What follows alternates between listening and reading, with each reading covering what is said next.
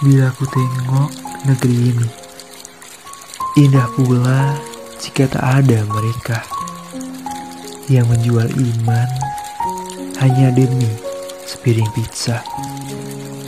Ego tinggi menyatu raga diri.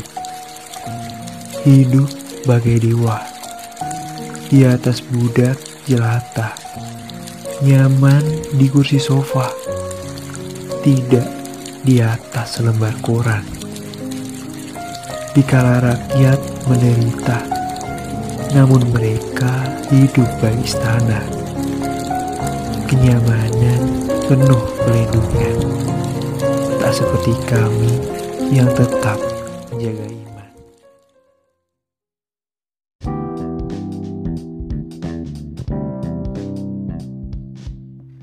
Mungkin dengan semudah itu Kalian pikir aku tidak bergerak, dan mungkin perkiraan kalian aku hanya diam dan tidak menuntut. Maaf, mengamati dalam diam dan menyerang di balik selimut itu berbeda kelas dengan menyebarkan isu, namun hanya terungkap jelas. Jadilah orang yang cerdas, tak hanya pintar secara intelektual, imbangi juga dengan sosial.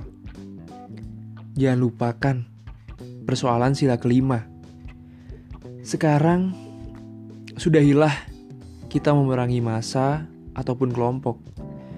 Satukan tujuan kita, tekad kita, dan gapaian asa kita. Sila pertama, ketuhanan yang Maha Esa. Sebelum terubah menjadi itu, ingatkah kalian? Bagaimana tidak menyinggungkan keanekaragaman agama dan budaya kita yang tentunya berbeda-beda? Tetapi seburuk-buruknya mereka, ku yakin tak ada yang merelakan ataupun mengorbankan iman mereka kepada sesuatu hal yang tentunya hanya titipan dari Tuhan. Di sisi lain, memanglah sebuah ego. Teruntuk kalian, jangan pernah ya mengedepankan ego hanya untuk kesenangan semata, tanpa mempedulikan hal umum lainnya yang dapat diterima oleh seluruh kalangan sekitar kalian saat ini. Sekarang, tengoklah kekuasaan para petinggi kita. Bagaimana? Sampai sekarang, apakah sudah tercukupi kebutuhan kalian? Baiklah, jangankan kalian, lebih merata saja. Apakah sudah tercukupi sarana prasarana di daerah kalian? Lebih luas lagi saja. Apakah sudah tercukupi mobilitas kalian dalam beraktivitas?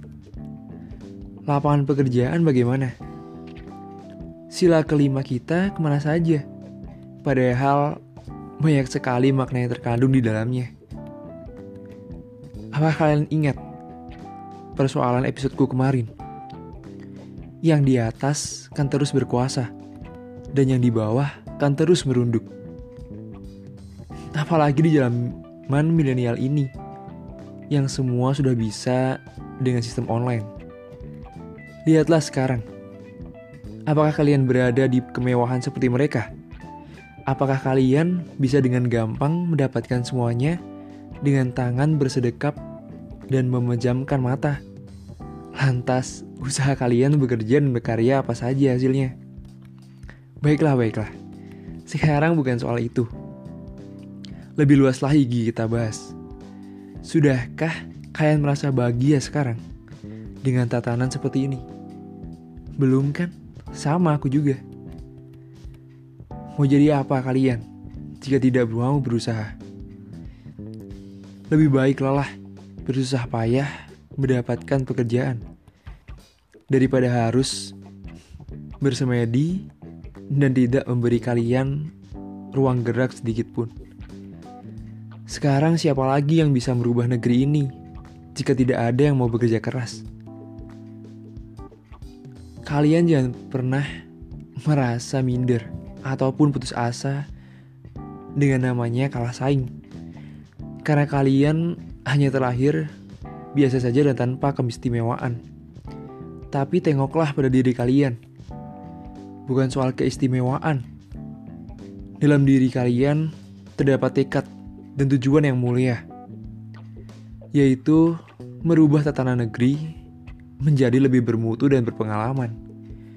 Bukan hanya menunggu dan menikmati tatanan yang sudah ada. Menyesalah kalian. Ingat, harta hanya titipan Tuhan semata. Yang pernah tertipu oleh segala materi dan menukar iman kalian. Jagalah kekuatan iman, karena semakin kalian mendekat kepada iman dan Tuhan kalian, yakinlah bahwa bumi dan seisinya akan merunduk pada kalian. Namun, jika kalian membalikkan kedua hal ini, ingatlah bahwa kalian akan terjatuh dan tidak ada lagi yang akan menolong.